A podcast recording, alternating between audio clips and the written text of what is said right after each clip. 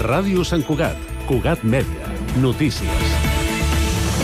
El Consell General del Poder Judicial es reuneix avui de manera extraordinària per debatre si fa una declaració institucional en relació amb l'amnistia que ha avalat el PSOE i que negocia amb els partits independentistes. La petició l'han fet eh, vuit locals que advertien que una eventual llei de perdó podria implicar una abolició de l'estat de dret. En declaracions al Notícies en xarxa, la portaveu de jutgesses i jutges per la democràcia a Catalunya, Arambiaix eh, Giribet, ha advertit que no és competència del Consell General del Poder Judicial valorar políticament una decisió política. Nosaltres entenem que sobrepasse en escreix les seves funcions i les seves eh, competències. Per això, com he dit, no entenem aquesta reunió, no entenem el contingut eh, de la mateixa, eh, perquè no és una funció pròpia del Consell General del Poder Judicial. D'aquí a parlar de prevaricació, prevaricació és un terme de tipus eh, jurídic, és un tipus eh, delictiu, entenem que, que hi ha un pas, però en tot cas sí que volem deixar de manifest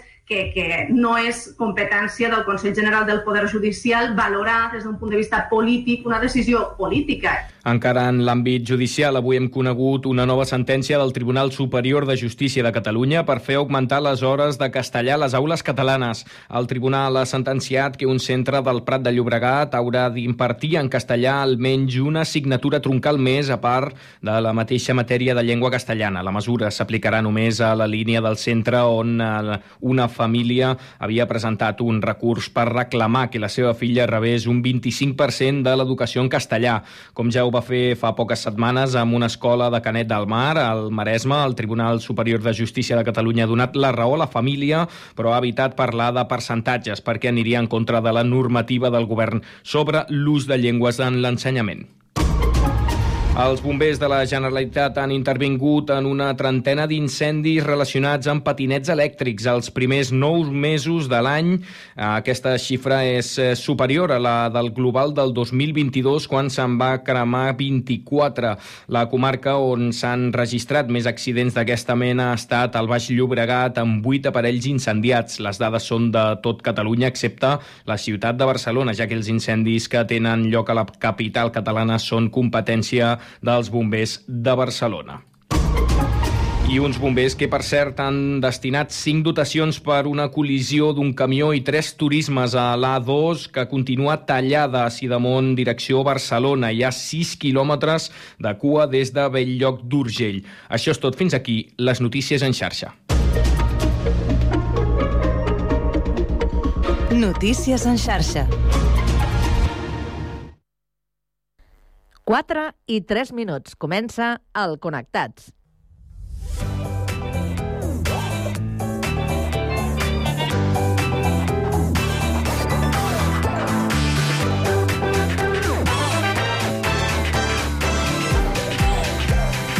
Connectats amb Carme Reversa.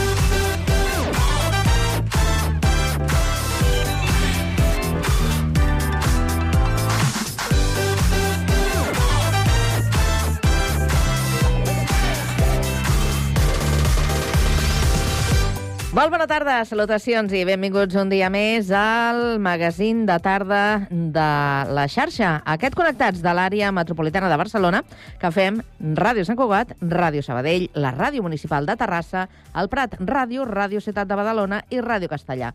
Una salutació de tot l'equip conduït a la part tècnica per Pablo Palenzuela i de qui us parla, Carme Reverte. Avui és dilluns 6 de novembre i volem saber quin temps ens espera aquesta tarda. Lluís Mi Pérez. Petits canvis de situació que tindrem al llarg de les immediates hores, sobretot a les comarques de Girona, amb l'aparició de nuvolades que, de fet, a hores d'ara ja comencen a ativar força i al llarg d'aquesta tarda acabaran deixant alguns ruixats, els més probables i, de fet, els més intensos, sempre locals, al voltant del Baix Empordà, del sud de l'Alt Empordà, el Gironès, al sud de la Garrotxa i també a la comarca de la Selva. La resta del país, més sol que no pas núvols i encara farà força vent, sobretot a les comarques del Camp de Tarragona, amb mala mar, perquè cada una miqueta de mar de fons, de Garbí o de Ponent. El dimarts estarà marcat per la tranquil·litat i per la fresca. Hem de dir que demà baixarà la temperatura d'una forma evident i només durant la tarda tornarà a reforçar-se una mica el vent, sobretot al voltant de la Costa Brava, cosa que farà que demà a la tarda torni a estar una mica esvalutada la situació marítima. Us seguirem a la xarxa.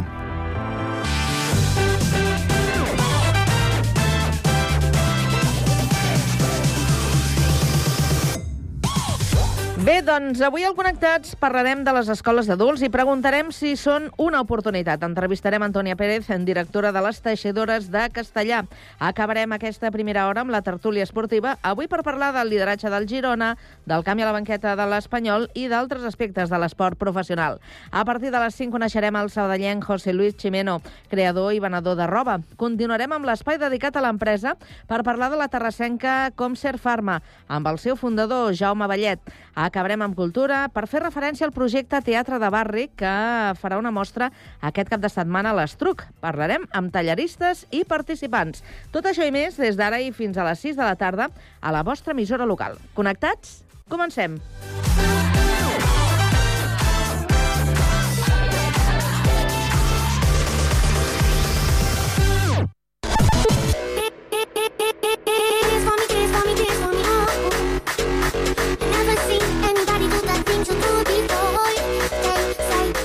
Connectats, una experiència radiofònica a Sabadell, Terrassa, Sant Cugat, El Prat, Castellà i Badalona.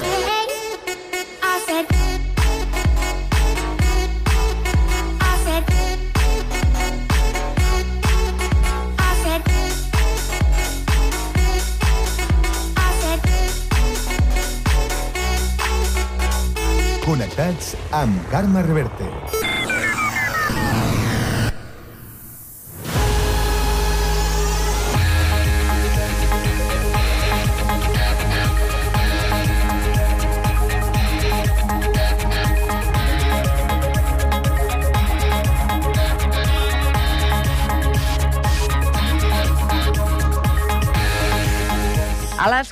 I 7 minuts ens actualitzem i ho fem amb el repàs a l'actualitat en aquesta ronda informativa que comencem avui per Sabadell. Pau Duran, bona tarda. Bona tarda. Els nens estan fent servir la pornografia com a educador sexual, un fet que les nenes, en canvi, encara mantenen amb d'altres persones. Són dades de la Diputació de Barcelona que s'han de llegir amb preocupació. Lluís Camprubí, tècnic de Salut Pública de la Diputació, ho ha explicat al programa El Cafè de la Ràdio. les noies segueixen aprenent sobre sexualitat més a través de persones reals, siguin de família, institut o, o amistat, i els nois veiem un fenomen ja de, de més aprenentatge a través del, del món virtual, xarxes, consulta a internet, etc. I en particular, sobre pornografia, el 31% dels nois assumeix o declara que eh, aprèn sexualitat a través de la pornografia, un percentatge que en el cas de les noies és el 7%. El tema s'haurà d'abordar entre tots els actors implicats. Pel que fa a l'administració local, les formacions als joves s'hauran de replantejar, de manera que responguin a les seves inquietuds actuals, començant en edats més primerenques que les que es donen ara. Els nois veuen la pornografia per l'estímul sexual i les noies per curiositat. Un 5% dels nois ja reconeix que en consumeix excessivament. Gràcies, Pau. I ara anem fins al litoral, concretament a Badalona. Andrea Romera, bona tarda. Bona tarda, Carme. La cadena de temporals de la darrera setmana ha deixat a Badalona imatges espectaculars i plenes de contrastos. Des d'una platja del Coco amb una mossegada de la sorra de fins a gairebé 3 metres de desnivell fins a la platja de la Barca Maria a l'altra punta del litoral badaloní, que ha emergit gràcies a la reposició natural de la sorra. Davant la manca de sorra a la platja del Coco a conseqüència del temporal, l'alcalde de Badalona, Xavier García Albiol, s'ha adreçat per carta a la ministra de Transició Ecològica, Teresa Rivera. Un toc d'alerta des del govern local per tal d'exigir mesures urgents per pal·liar els efectes dels temporals. Ho ha explicat la regidora de Medi Ambient, Sònia Egea. L'alcalde avui ha fet una carta dirigint-se a la ministra Teresa Rivera. Es demana primer visita urgent que es reconegui la situació doncs, d'emergència i d'urgència pel que fa a la pèrdua de sorra i també doncs, per al tema de, de que hi ha una banda del passeig marítim que es comença a descalçar i aleshores això també ens preocupa greument. Des de l'àrea de Medi Ambient asseguren que el darrer temporal viscut, el Domingos, ha estat de gregal en comptes de llevant. Un fet que hauria provocat la manca de sorra a les platges del nord, en comptes que d'altres més habituals, com la de la Barca Maria.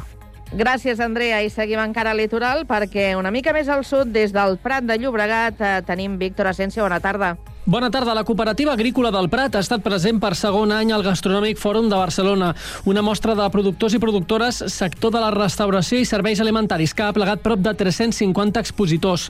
L'entitat que agrupa la pagesia pratenca ha presentat diverses novetats, entre elles un nou producte, la crema de calçots feta per espigoladors a través de la marca És Imperfect. A banda d'aquesta novetat, també s'ha presentat un altre producte que podem trobar a partir d'ara a les botigues del Prat, els albocats catalans provinents del Canà. El Gastronòmic Fòrum de Barcelona enguany se centra en la biodiversitat i la sostenibilitat com a eixos centrals. Precisament en aquest sentit, la cooperativa també ha fet els deures. Els fulletons informatius que es reparteixen a la seva parada són fets a partir de la reutilització de restes vegetals del kiwi, un material dissenyat i produït per Saó Prat. Amb la presència de la cooperativa al Gastronòmic Fòrum de Barcelona vol posicionar-se a la carxofa Prat al mercat com a ensenya del Parc Agrari i el Baix Llobregat, defensant la qualitat del producte i el valor de la proximitat que porta la pagesia local.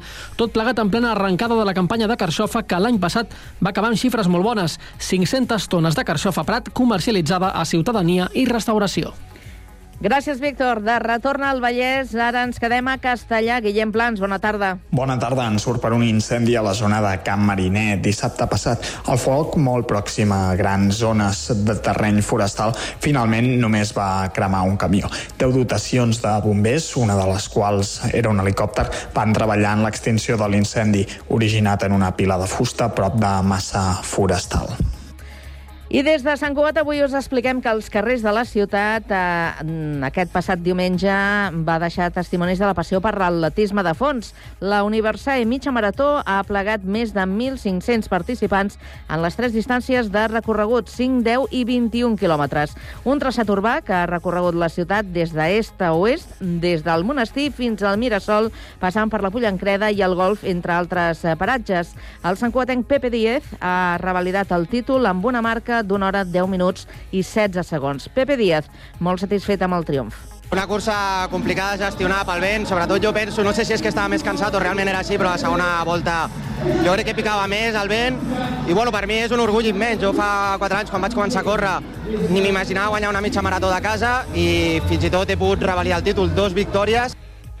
En categoria femenina, Clàudia Vigues ha estrenat palmarès amb un registre d'una hora 24 minuts i 35 segons. A la cursa de 10 quilòmetres, Helena Fonalleres i Marçal Rossés han guanyat aquesta categoria i a la de 5, Adrià Marín i Laura Sánchez s'han erigit com a campions. La cursa s'ha estrenat com a prova puntuable de la Lliga Universitària de Catalunya.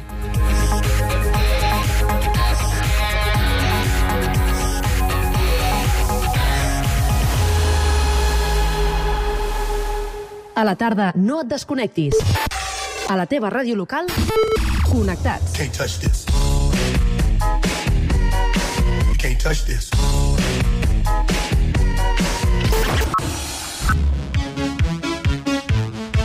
Can't touch this. Can't touch this.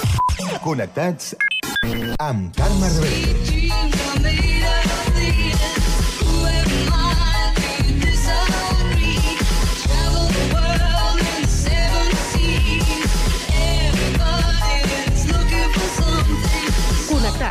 Una experiència radiofònica a Sabadell, Terrassa, Sant Cugat, El Prat, Castellà i Badalona.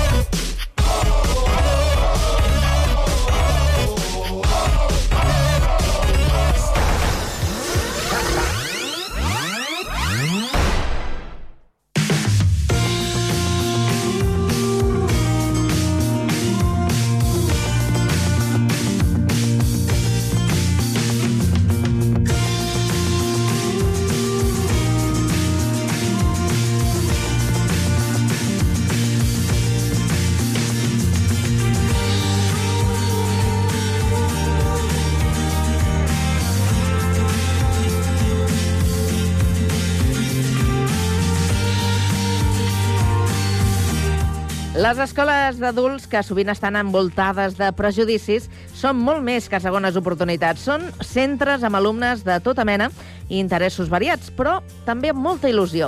En parlem amb la directora de les Teixidores, Antònia Pérez. Ho fa el nostre company Guillem Plans. Bona tarda. Bona tarda, Carme. Doncs avui porto la llibreta i prendrem apunts, que tinc aquí la directora de l'Escola d'Adults Les Teixidores, Antònia Pérez. Molt bona tarda. Hola, bona tarda, què tal? Com esteu? Parlem de l'escola d'adults o de l'educació d'adults que ofereix beneficis i oportunitats importants per qui decideix doncs, inscriure-s'hi. Si et sembla, Antònia, anem desgranant alguns d'aquests beneficis i ens comentes com ho veus tu des de l'escola. Perfecte, endavant. L'educació contínua, no? que permet als adults aprendre i millorar les seves habilitats en diferents àrees de forma contínua. Sí. Mm. Doncs vols que contesti ja sobre això? Sí, exacte. Exacte, sí. Molt bé, molt bé. Doncs, a veure, mira, nosaltres, eh, bueno, des de qualsevol centre de, de persones adultes et diran, et diran el mateix. Eh, L'educació continuada al llarg de la vida, eh, al llarg i ample de la vida, és fonamental. Vull dir, no, no, no acabem d'aprendre mai a la nostra vida, a la nostra existència. Per tant, eh, tenir la possibilitat d'accedir a un centre on tinguis uns professionals que et poden garantir eh, aquesta cobertura, doncs creiem que és eh, molt, molt important. I nosaltres com a centre d'adults, què, què, què podem dir? Eh, vull dir que donem un servei que creiem que és eh, doncs, eh, de, de necessitat per, per a molta gent eh, bueno, doncs que té més oportunitats a la seva vida, perquè no, no penso mai en una segona oportunitat, sinó en totes aquelles que tu necessitis com a persona. En matèries com la lectura, l'escriptura, matemàtiques, ciències, llengües i segur que algun altre més. Uh -huh. Per tant, molt variat, no, Antònia? Mo, molt variat. Eh, fem una mica de tot, eh, perquè, a més a més, eh, evidentment, com tu acabes de comentar, aquestes són les, les matèries de sempre, tota la vida, però per- eh, eh, ara mateix eh, un, una demanda importantíssima dels centres de formació de persones adultes doncs són eh, els temes d'anglès, no? Hi ha moltíssima gent que demà de, de fer aquesta, aque- aquesta formació. L'anglès per, doncs, per, per tenir una, una cobertura mi- millor al treball, per tenir una, una millor eh, doncs, experiència parlada doncs, si has de sortir de viatge. Ja sabem que estem en un, en un món globalitzat i això significa que en un moment determinat doncs, necessitem eh, doncs, tenir una, una, un vehicle de comunicació i la llengua és la millor opció. Llavors, eh, l'anglès és una d'aquelles coses eh, que, que cada vegada té més, eh, més impacte a les escoles d'adults, al igual que el tema de la informàtica, no? Eh, sabem, de, de, de, bueno, ho veiem a, a- programes, a les notícies, que hi ha eh, en algunes ocasions una gran, eh, doncs, eh, un daltabaix en algunes ocasions en, entre les persones que no tenen accés o que no han tingut o que no tenen els coneixements suficients eh, sobre informàtica. Hi ha un analfabetisme funcional en aquest aspecte eh, entre un, un nombre important de la població. I el que volem doncs, és donar també aquest suport, no? I com tu comentaves, a part d'això, doncs, que moltíssimes coses més. Eh, evidentment, doncs, eh, jo que, des de cursos eh, per, per, per gaudir de la literatura, de la lectura, eh, a, a, a, Bueno, una mica que eh, la, la demanda, anem una mica en base a la demanda que hi hagi a la població, no? I que és el que pensem que estem de- d'anar adaptant, no?, com a centre. Ho has comentat abans que hi ha alumnes que s'apunten a anglès per, per millorar la seva carrera. El desenvolupament de, de la carrera, precisament, és un dels beneficis de l'escola d'adults, no? en el sentit que pot ajudar a millorar les perspectives professionals, a augmentar les oportunitats no? d'ocupació. Totalment, totalment. Eh, de fet, eh, avui dia encara hi ha gent que no té eh, el graduat en educació secundària. Eh, això ja és cert que cada vegada mm, és menys aquest, aquest eh, gruix de persones, però un és, és, un, és, és un imprescindible no? eh, per qualsevol feina, no? per qualsevol tasca, és el, el mínim que et poden demanar. Eh, llavors, com tu ben dius, nosaltres també fem preparacions per a proves d'accés, no? accés a grau mitjà, grau superior, accés a universitat. Això significa que la gent que, que pot fer la universitat té un equivalent a un, a un batxillerat. Eh, clar, hi ha eh, algunes feines eh, que et demanen un nivell de batxillerat ja avui dia eh, per ser bombers, Mossos d'Esquadra, etc. Eh, et demanen ja el nivell de batxillerat. Doncs aquestes proves d'accés a la universitat doncs, també tenen aquesta convalidació, això és important. Hi ha gent que no, no, no ho sap, però eh, també és aquesta, mm, a, a, aquest altre, camí, no? Perquè hi ha gent que diu, ostres, ja tinc 25 anys, o ja tinc més de 25 anys, i ara mm, cap a on m'encamino, què faig? Torno a fer un batxillerat? Mm, bueno, doncs hi ha aquesta possibilitat, evidentment, totes són vàlides, eh? i cadascú pot triar el seu camí. Mm. Això m'ho diràs uh, des de la teva experiència. Segur, que, segur que ho has vist molt. L'autoestima i la confiança. Has vist que milloraven els alumnes que passaven per l'escola d'adults?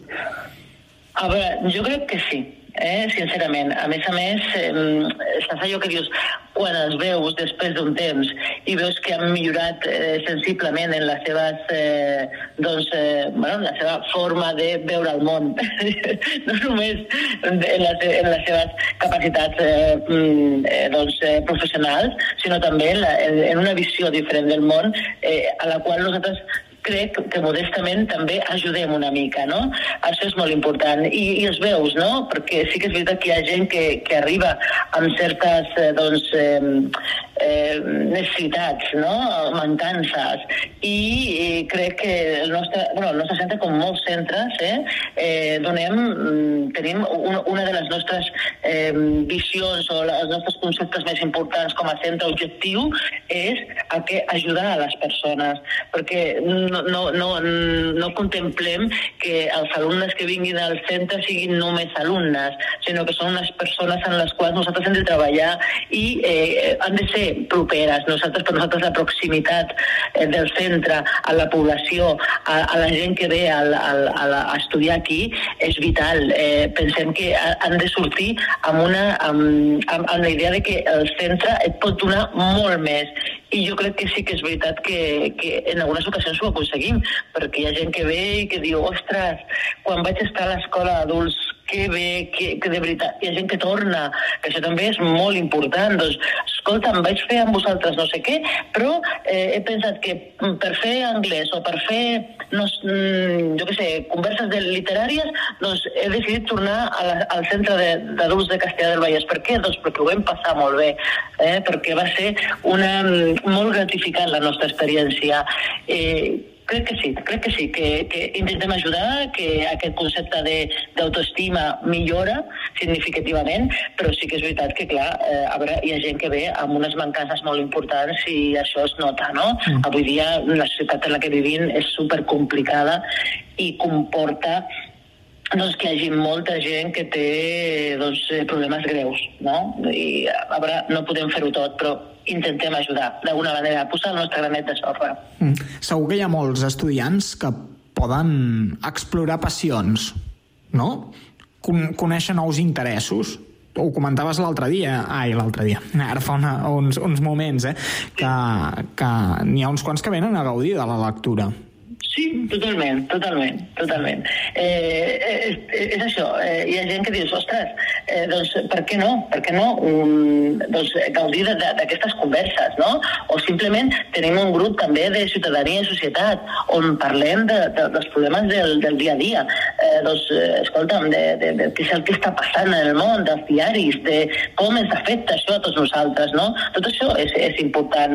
Hi ha gent que diu, doncs, és que jo mm, potser eh, jo el que necessito és eh, aquesta interrelació amb altres persones des d'un altre vessant, aprend, a, a, a l'hora que aprenc, perquè això també és important, perquè és que no, no és només eh, vaig a gaudir, a passar l'estona, que també, però eh, juntament amb, un, amb, un, amb una base d'aprenentatge, que això és el que eh, intentem transmetre eh, des, de, des del nostre centre, des de les teixidores. Sou flexibles també per adaptar-vos als horaris laborals de molts estudiants que segur que treballen?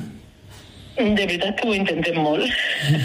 Segur que sí. I a vegades, perquè nosaltres tenim horaris de matí, tarda i vespre, intentem donar la possibilitat de que els alumnes doncs, eh, tinguin bueno, un ampli ventall eh, d'horaris. Eh, L'escola està oberta al matí, des de les 9.30 fins a les, eh, la 1 quasi bé, les 13 hores, i per la tarda comencem a les 3 de la tarda fins a les 9 de la nit. Vull dir, això significa eh, un horari eh, superextens i que, a més a més, hi ha nivells que es poden fer al matí i a la tarda. Eh, això també comporta que hi hagi alumnes que, per exemple, treballen entorn torns eh, i que puguin venir o al matí o a la tarda, vull dir que intentem donar totes les possibilitats. Eh, és complicat en algunes ocasions, però mm, per part nostra posem tots els nostres esforços, evidentment, i lògicament els alumnes també ho fan. Sí que és cert, eh, també és, és així, que hi ha vegades que és totalment impossible, llavors nosaltres som també centre col·laborador del, de l'IOC. L'IOC és l'Institut Obert de Catalunya, que es fa a tota distància i eh, doncs, si hi ha alguna persona que no pot assistir presencialment, doncs, intentem ajudar-los per, per aquesta vessant, per aquesta altra opció. Mhm. Teniu la sensació també que es fa molta, molta xarxa entre els alumnes? Una xarxa social? Sí, sí, sí, perquè a més a més, de seguida que, bueno, quan, quan, quan entres al, al segon dia a classe, ja tothom, eh, ja estem, ja tenim el grup de WhatsApp, ja tenim el no sé què, eh, ja tenim, no, mm, bueno, ja, ja, ja s'han organitzat bastant bé entre ells, no? Eh, doncs per, per, eh, per ajudar-se, que de fet, de fet, una de les coses que nosaltres també comentem en moltes ocasions és, eh, nosaltres tenim també algun telèfon com a escola, eh, i sí, eh, en el grup que és eh, de, de, de classe puntualment, eh, també eh, hi ha vegades que doncs, ens, ens fan participar a, a, amb el telèfon del centre. Per què? Doncs per, per, eh, simplement per comunicar doncs, informació puntual que sigui necessària per ells, no? O exàmens, proves o el que sigui en aquell moment, no? I, sí que és cert que eh, de seguida veus que, a més a més, eh, ho comentem, no? Eh, seria interessant que, que, que aquests grups també estiguessin una mica doncs eh, pensant en els vostres companys, no? Que, ostres, doncs no s'ha pogut fer això o algú no ha vingut, doncs penjar eh, alguna, doncs els, els exercicis que s'han de fer i veus que sí, que, que, que l'alumnat ha creat una xarxa, que de fet aquesta xarxa en ocasions va més enllà després perquè tinc eh, coneixements de gent. De fet, fa, fa uns dies em van enviar una fotografia eh, d'uns eh, exalumnes que estaven en un casament, una, una de les persones havia casat, eh, eh, bueno, i llavors havien anat mm, el, el grupet d'aquí, de, de, d'aquí, de l'escola. Això és maco. d'aquí. Això és fantàstic, no? Que dius, aquesta xarxa que continua vigent, no? I que continua, eh, i aquestes amistats que es troben eh, aquí al, al, al centre són, de veritat, molt, molt interessants, molt interessants. Quin ventall d'edats teniu compresos a, a l'escola d'adults? Doncs, des dels 16 anys, amb una sèrie de condicions, evidentment, perquè nosaltres, eh, com a centres de formació de persones adultes, eh, eh, gent ha de començar als 18 anys, però als 16 anys ja hi ha possibilitats segons quines casuístiques, i després eh, fins eh, on vulguin arribar. No hi ha una data em sembla que la gent, la persona, la persona més gran que tenim, que tenim està al voltant dels 90, 90 i pico anys.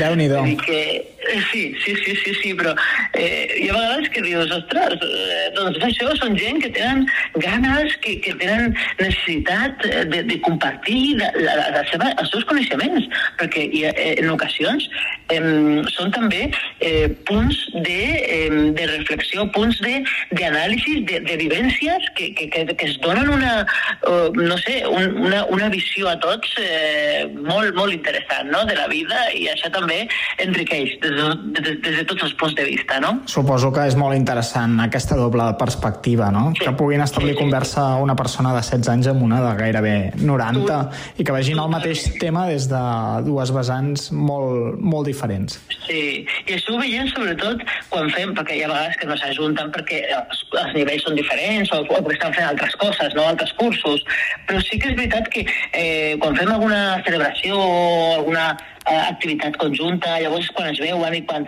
dius, ai, però aquestes persones, doncs, mm, i intentem ajuntar-los, no? Eh, vinga, va, barrejar una mica també, perquè la gent doncs, eh, es conegui entre ells, que, és, que ja et dic, és, és força interessant. Sí, sí, sí, és molt maco també, aquesta, aquesta visió, des d'aquest punt de vista. Esteu entretinguts, Antònia. Bueno, d'això es tracta, I no? tant, Eh, i de, tant. De, de, de treballar per... Jo sempre penso que el nostre, la nostra feina és treballar per la gent del municipi, no? per, per tota la població. I això en el que estem abocats eh, és, la, és la nostra, el nostre màxim compromís. Doncs és una feina admirable. Antònia Pérez, directora de l'Escola d'Adults Les Teixidores de Castellà del Vallès. Moltíssimes gràcies per atendre'ns. Moltíssimes gràcies a vosaltres, de veritat. Ja sabeu on som. Molt bona tarda. I molt bona tarda a tu també, eh, Carme. Gràcies, Adéu, gràcies, adéu. gràcies al Guillem i gràcies també a l'Antònia. De seguida tornem amb la tertúlia esportiva.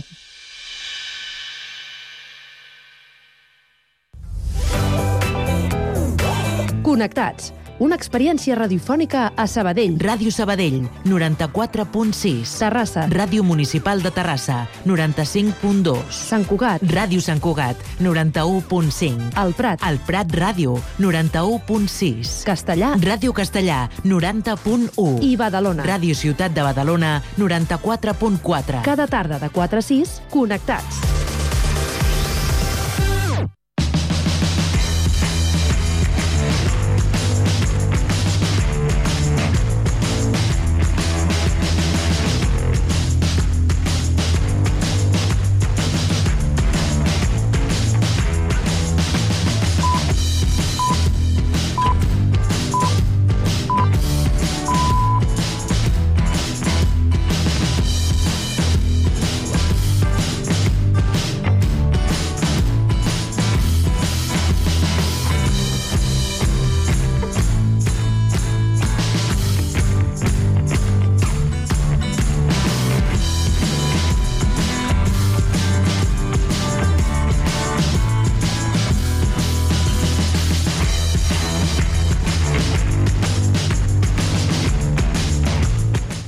Quarts de cinc de la tarda i arribem molt puntuals a la cita amb la tertúlia esportiva. Avui aquesta estona de conversa al voltant de l'esport i de futbol en concret eh, la compartim amb el Carles Silvestre, el nostre atleta de capçalera. Com sempre el tenim a Terrassa. Carles, bona tarda.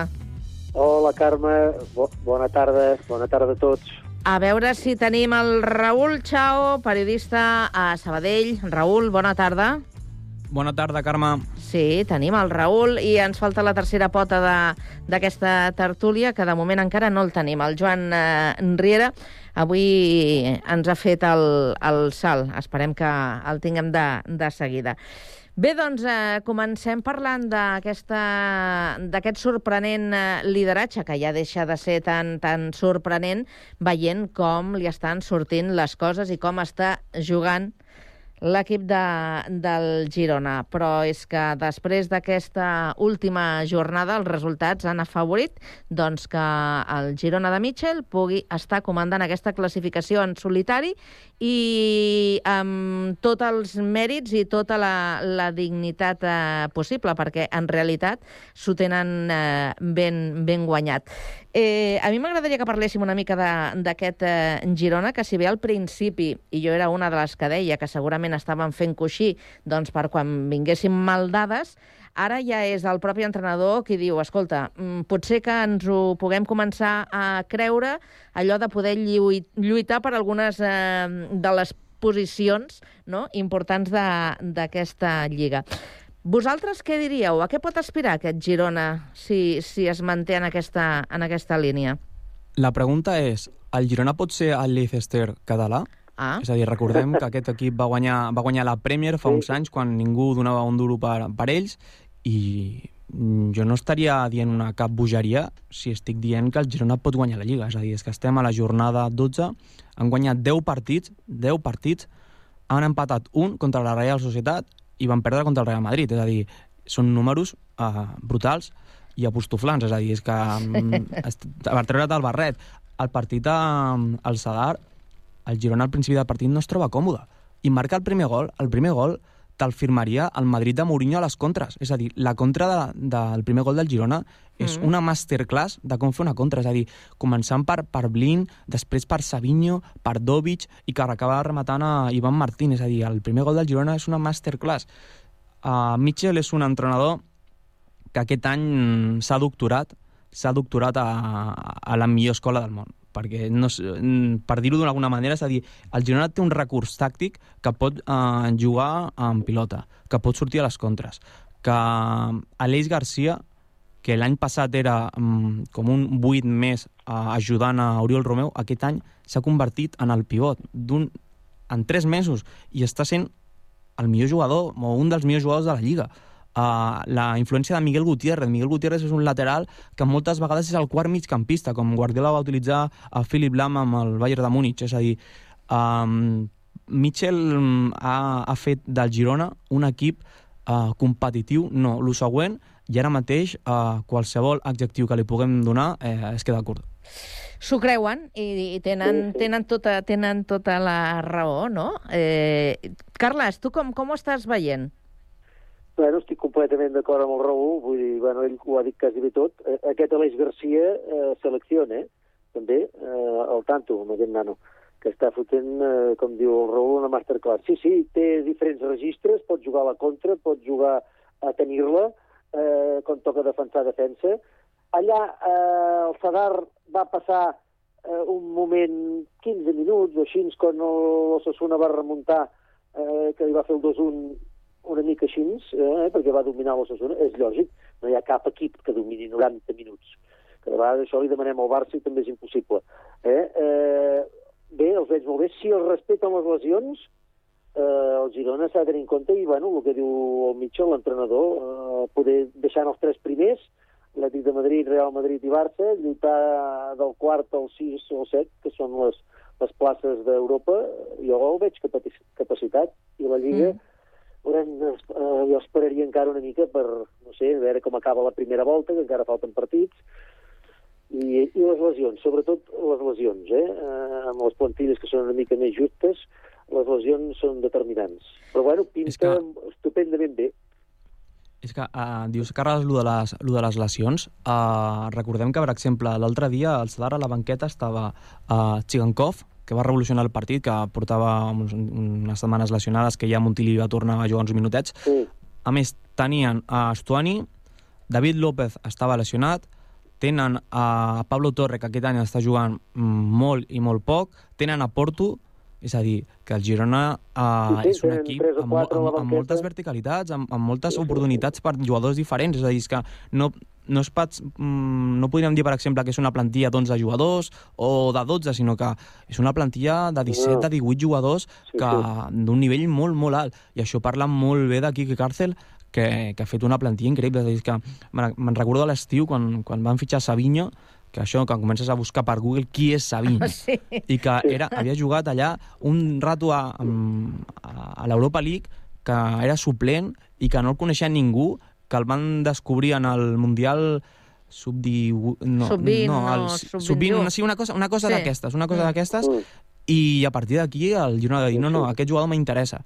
I ha sigut arribar i moldre, i Savinho s'ha convertit en un dels jugadors de, de la Lliga, és a dir, uh, començant per Quique Càrcel, seguint per Mitchell i després pels jugadors. És que al final el Girona és una cosa sèria. I a més, el, cap al cinquè, és a dir, que el, diguem, el primer equip que jugaria a Europa League, li treuen 11 punts. 11 punts. Sí. És a dir, ja és una, una cosa sèria i difícil per la resta. És a dir, la Reial, el Betis també han de perdre. Així que no és una cosa ja que ho tinguin, a, a, que ho puguin veure, sinó que han de suar i molt per intentar superar el Girona. Però a banda dels resultats, estaríeu d'acord que ara mateix qui està eh, exhibint, Sí, fent i practicant millor futbol és el Girona, per davant de tots? Sí, sí. Sí, sí, perquè ni Barça ni Madrid estan jugant bé. I vaig veure el Madrid una estona, bueno, una estona, tot el partit vaig veure. I no, i no van jugar, no van jugar. Eh, i allò que fa el Madrid, oi? Eh, eh, onejades, allò, vinga, centros ai, i el Vinicius es regateja hasta la seva sombra, però res més, eh, i no, no, no acaben. El Girona és el, és, el, és el que està jugant. És que, a més, és un projecte que ja porta anys, amb un director esportiu, aquest, el Quique Càrcel, que està allà consolidat. No això d'anar canviant directors esportius, com ha fet el Barça els últims temps, que, que, que l'ha cagat horrorós.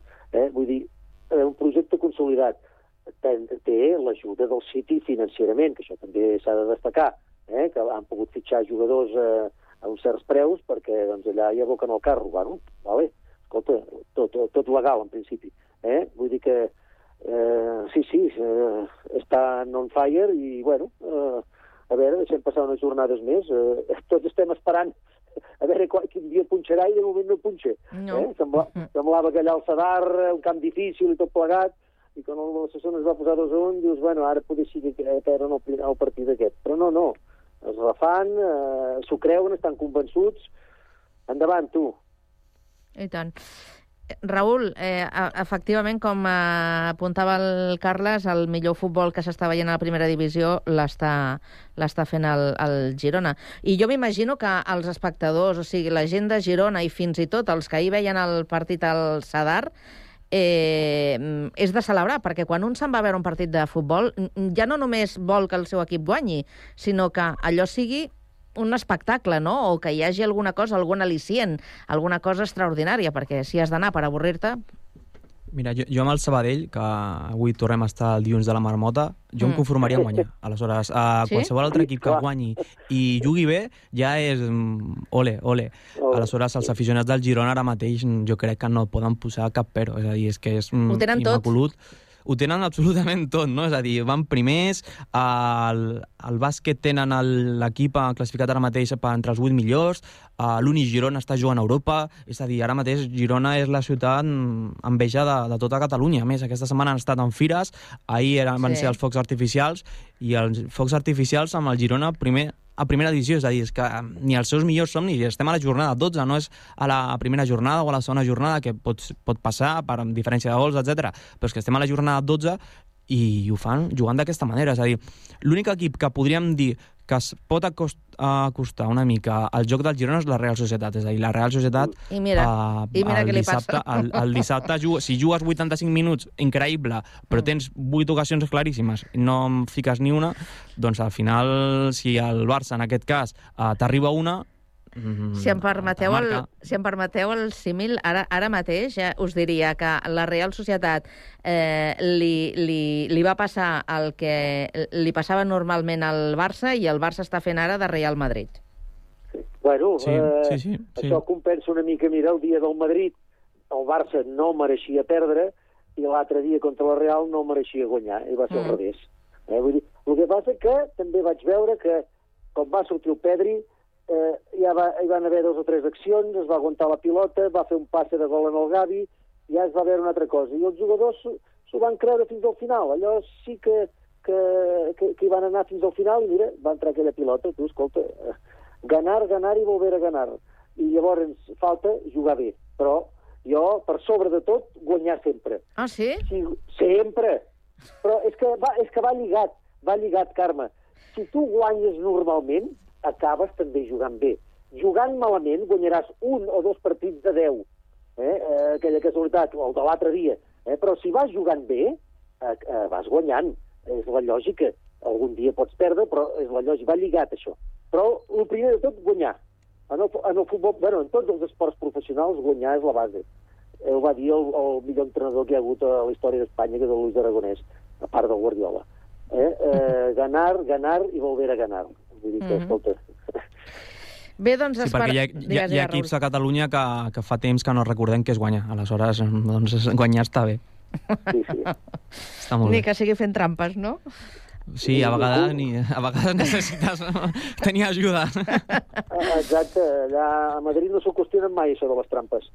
Ja, per cert, que, que parlant de, de guanyar, precisament perquè no guanyaven quan tocava i perquè la cosa no rotllava com eh, s'esperava, eh, ja hi ha hagut eh, substitució a la banqueta del Real Club Esportiu Espanyol i avui precisament han presentat el substitut de, de Luis Garcia, que jo no sé si el veieu com eh, l'entrenador idoni per, eh, per l'Espanyol, i també us pregunto per com veieu aquest relleu, aquest canvi.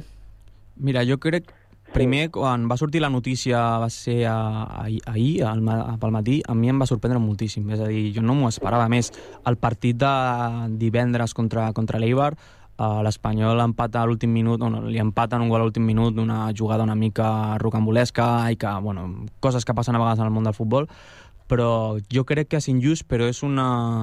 Bueno, segons diuen a les, les persones que més coneixen l'entorn a Perico, que Garagarza ja havia pres la decisió de, després de la, redo, de la derrota contra l'Sporting de Gijón i aleshores ha esperat el moment per, per fer-lo fora. Aleshores, eh, això ve de lluny, és a dir, perquè Garagarza i Luis García no, no s'han entès mm, a l'estiu, uh, segons diuen que, bueno, que Garagarza ha fitxat els jugadors que ell ha volgut, sense tenir la- l'opinió de, de l'entrenador. Mm. Aleshores, això es va veure reflectit en la primera jornada que ara Garza entrant al vestuari, que al Bacete, això als jugadors no li va agradar. Uh, Luis García estava molt, mm, com, amb molta unió amb els jugadors, perquè bueno, els jugadors el veien com, com una llegenda de l'Espanyol.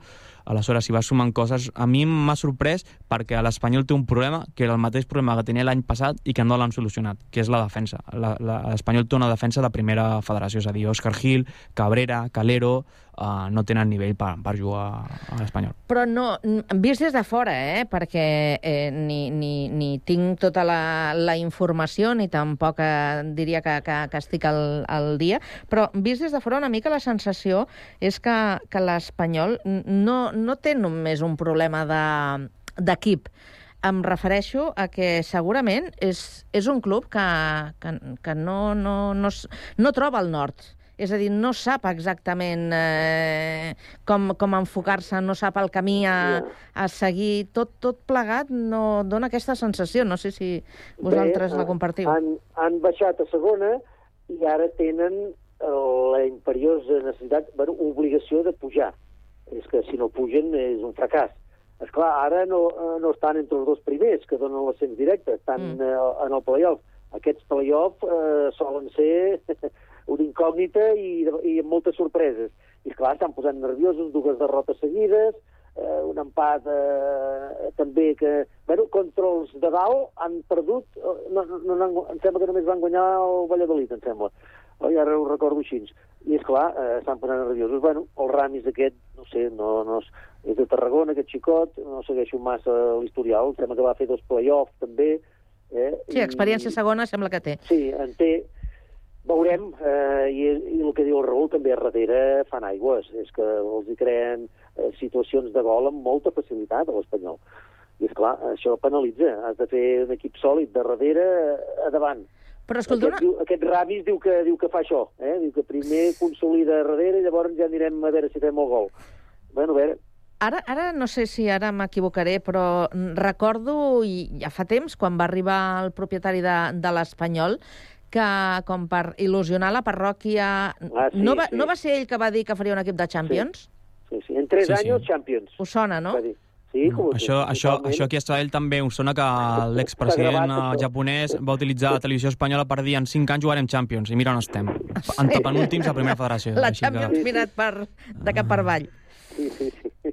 Bueno. No, doncs Tenir un, segura... pre te, Sí, ten, digues. tenir un president a tants quilòmetres de distància mm, no, Sí, no va això- bé, ho podem això- veure amb el València i a l'Espanyol més del mateix, és a dir, i sort, l'Espanyol té una cosa molt positiva que és la seva afició, és a dir, veus l'estadi uh, gairebé ple a segona divisió i això doncs, parla molt bé d'ells perquè mm, estan quarts, com, com deia el Carles ara, és a dir, que no estan entre els dos primers, porten una mala dinàmica i malgrat això continuen i continuen. Jo crec que això és molt important dintre d'un equip. Veieu possibilitats que, que es redreci el, aquesta, aquesta Bueno, situació? Sí, un canvi d'entrenador sempre és un revulsiu, posaran les piles una mica tots, els jugadors també han de fer un pas endavant, allò es diu, perquè no solament és culpa de l'entrenador, el que passa que el fàcil és eh, fer fora un en vez de 21. Eh? Vull dir que, esclar, eh, sempre paga l'entrenador, ja ho sabem, això és la llei del futbol. Bueno, a veure, donem-li un marge a aquest Ramis, no sé. A veure què passa. Clar, ell a priori, a priori és un canvi de formació perquè ell utilitza el 4-4-2, aleshores això pot beneficiar jugadors Ah, com, sí. com Salvi, uh, potser veurem més a Puado de, de davanter, ac- acompanyat de, de Braithwaite, aleshores és un canvi de dinàmica perquè Luis García era un, un, un estil de joc que li agradava sortir de la pilota des del darrere, i això jo crec que tenint jugadors com el mateix, com Cabrera, que jo crec que no sap donar un passe més enllà de 3 metres, doncs és un problema. Aleshores, mm, veurem com surt i esperem que surti bé. Ara us volia plantejar un tema que jo diria que l'hem tractat en alguna ocasió eh, i que té relació doncs, amb, amb la saturació de, de partits, de compromisos, ja sigui dels clubs com de les seleccions. A veure, que els, els jugadors, sí, d'acord que guanyen el que guanyen, però no són màquines. No són màquines. I també tenen els seus límits. Què passa? Doncs que quan un eh, es lesiona eh, mm, resulta que no s'acaba de recuperar bé perquè una mica el calendari també t'està forçant a, a recuperar-te més ràpid de, del previst. Tot això crea doncs, un, un estrès que ara tenim un exemple, que és el jugador del Manchester eh, City, De Bruyne, que porta ja tres mesos sense jugar i sense anar a, a la Lliga Anglesa, tindríem aquí casa nostra, a la Lliga Domèstica alguns eh, casos eh, possiblement similars i de, de ben a prop. Eh, N'hem parlat sobre el, el calendari i aquest excés de, de partits. No sé si dins del panorama esportiu els jugadors de futbol són els que més eh, pateixen aquest estrès de, de, de calendari. Eh, en el cas de, Bueno, de l'atletisme, Carles... També, bueno, és que ha... Jo crec que és, és un estrès esportiu. Eh, la gimnasta, la gimnasta americana, el nedador, el Phelps, eh, arriben a una saturació tan forta, tan forta, els esportistes, amb una pressió, sobretot els d'èlit, Mm. amb una pressió tan forta de, de jugar i guanyar sempre, que quan eh, estan lesionats i tot això, la recuperació de vegades no és física, és mental. Eh? I la recuperació és mental. Eh? I poder estar curats físicament, però ells es pensen que no. I no acaben d'estar segurs amb ells mateixos. I això forma part de tot, eh, tot d'aquesta pressió que tenen. Eh, sí, cobren molt, el que deies tu, i, i, i, i diuen molt bé, però eh, tenen aquest, aquest sobreesforç jo mental que, que és difícil de portar moltes vegades. Hi ha diversos jugadors, eh, bueno, amb diverses especialitats esportives, ara no me'n ve cap a la memòria de l'atisme, però segur que sí, però eh, passa, passa i, i, i és mental, és mental. El futbol té un problema, és a dir, no pot, no pot ser que la temporada acabi a finals de juny, és a dir, o principis de juliol amb competicions de seleccions, i comenci a les primeres d'agost. Això és inviable, és eh, una, un problema gravíssim que té el futbol, i jo crec que és l'únic esport que, que el té. Per exemple, ens anem al bàsquet, al bàsquet a la NBA juguen amb 82 partits, sí. més després play-off, és- a dir, que molts equips se'n van als 100 partits, la temporada comença a, mig, a finals d'octubre i acaba per, per, abans de Sant Joan. Tenen Aleshores, mesos, tenen, tenen qui no va amb la selecció té a finals de juny, juliol, agost, setembre. És a dir, estem parlant de més de 3 mesos. Qui va amb la selecció eh, mm, té un mes i mig, però ja té un mes i mig, és a dir, té ja entre 6 i 8 setmanes per poder descansar i desconnectar el, el cos, és a dir, no, i no només el cos, sinó el cap, és a dir, perquè una cosa va, va darrere de l'altra. I el que diu De Bruyne és, és totalment d'acord, és a dir, uh, des de que va començar la Lliga, uh, quantes, quantes setmanes han tingut els jugadors per descansar tota la setmana, és a dir, que no hagin tingut partit entre setmanes, és a dir, jo... mm, La passada, poques només. vegades. Aquesta passada, És a dir, per exemple. Clar, però Bueno, això ha només hagut- pel Madrid, Barça, Atlético de Madrid i Osasuna, Sí. que no jugaven Copa del Rei. Ah, La resta exacte. porten jugant Sí, sí, des, de, des del principi. Sí, sí, sí, sí tens raó. Aleshores, Sí, sí. això és un problema perquè ara, per exemple, aquest uh, divendres hi ha convocatòria de les seleccions. És a dir, el dilluns se'n tornen a convocar a finals de setmana partit, després al cap de setmana un altre. Uh, això és inviable, és a dir... Uh, per Però, exemple, però uh, si són els mateixos jugadors eh, els que eh, acaben pagant aquest accés, perquè el cos és, és, el, és, el, és una màquina que, que, que aguanta el que aguanta. Eh, us imagineu? Veieu, a lo millor, els jugadors eh, plantant-se?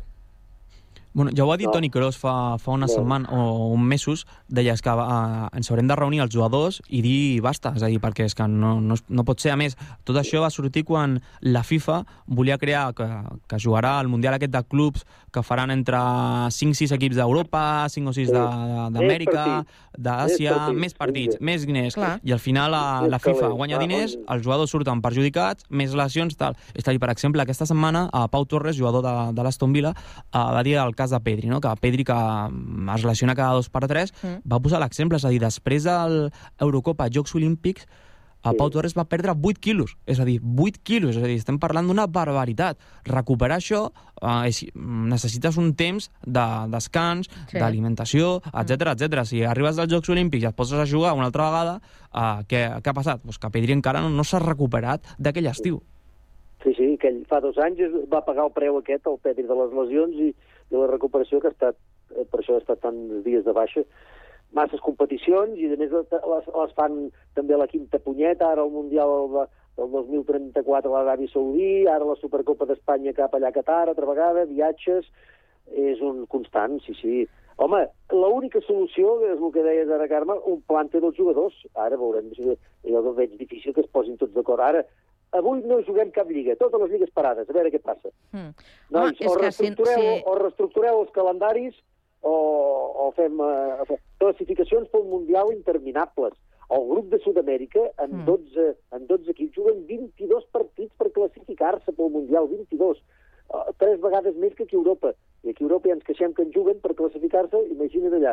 Que, que seria fàcil fer do, dos grups de 5 que, i que es classifiquen els dos primers de cada grup, eh, reduiries a la meitat, doncs no, no, no vinga, perquè com més, més vegades vagi el, mes, el Messi a Bolívia o a Uruguai, més, cala, més calarada fotran. I només és només el món pels calés. Només són els diners, els diners, els diners, i no, no es preocupen dels Clar, jugadors. és que si no hi ha una reacció per aquesta banda, és a dir, els que tenen la, la peia pel mànec, els que poden eh, pressionar, són efectivament són els els, jugadors. els jugadors, perquè eh, tots aquests organismes, totes aquestes entitats que el que fan és eh, anar creant competicions per eh, continuar munyint la mamella de, de la vaca perquè dona diners, doncs eh, no, això no, Sí, sí. no s'acabarà no s'acabarà mai. L'únic que pot passar és que hi hagi doncs, eh, jugadors que no resisteixin i que, que ho hagin de, de deixar. I llavors tenen problemes psicològics, que és el que deia abans, eh? També. Psíquics, Sí, també, sí. De, de coco. Vull dir que No sé, potser... un plante, un plante dels jugadors és l'únic que... Però jo ho veig, no sé, ho veig una mica utòpic ara. En aquests moments, potser sí, eh? Ens sorprendran d'aquí un temps i es plantaran tots. Ojalà. És que jo abogaria per això, eh? Home. Plantats tots i totes les lligues parades. Llavors han de reaccionar però, i, i amb els punts clars, eh? Mira, volem això, això i això, aquestes competicions, pam, pam, pam. Escolta, Sí. a vosaltres us han fet fora mai d'un avió per, eh, per Hosti, posar una, tu, un sí. equip de, No. de, fu de futbol? Jo no baixo. No, no. Eh? Mare- la- mare meva. el seient. Hosti, això és una mica vergonyós. Bueno, no, una mica bastant vergonyós, eh? És molt vergonyós, sí, sí. Air Nostrum, es veu que l'avió del Sevilla, tinc entès, eh, tenia una petita avaria i el Sevilla havia de tornar, bueno, però els fotem. Mira, aquest, aquest avió que hi ha aquí 80 que estan parats, que, que ja feia una hora i pico que havien d'haver sortit, baixeu, nois, ja el pugem els del Sevilla i aquells de terra. Gent que havia embarcat i que els van fer fora. Raül, vinga, que tanques. No, no, això que també poden utilitzar l'autocar com fan les persones, és a dir, que no, no perden res per anar a un autocar, és a dir, que són jugadors igual que persones i tots hem de, a vegades hem d'anar amb així. Que som, som viatgers de, de primera i de segona? Hi ha, hi ha categories? Sembla que sí, eh? ja. Mare Sembla que sí, sí. sembla que sí. Hi ha La categories. Sí, sí. Molt bé, doncs eh, deixem aquí la tertúlia esportiva d'aquest dilluns, esperant que tingueu Molt molt bona setmana. Raül, Carles, que vagi molt bé. Gràcies. Moltes gràcies, espero dilluns estar més content. Ah, sí? Ah, parlo del Sabadell. Sabadell, Sí, el espero, Sabadell. a, veure si guanyem, a veure si guanyem algun partit. Vinga, a veure si hi ha bones notícies. Que vagi molt bé. Adéu. Adéu. Estàs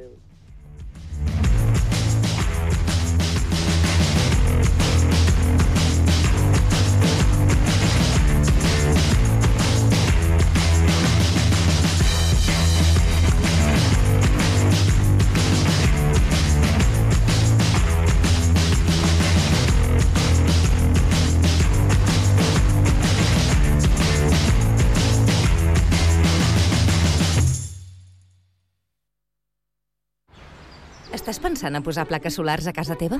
Doncs passa't a l'energia solar de manera fàcil i segura amb la teulada, experts en energia solar i el nou espai d'assessorament per a la ciutadania i les empreses. Informa't a la teulada arroba amb.cat o contacta'ns per WhatsApp al 645 725 465. La teulada és un servei de l'AMB finançat amb el Fons Europeu de Desenvolupament Regional.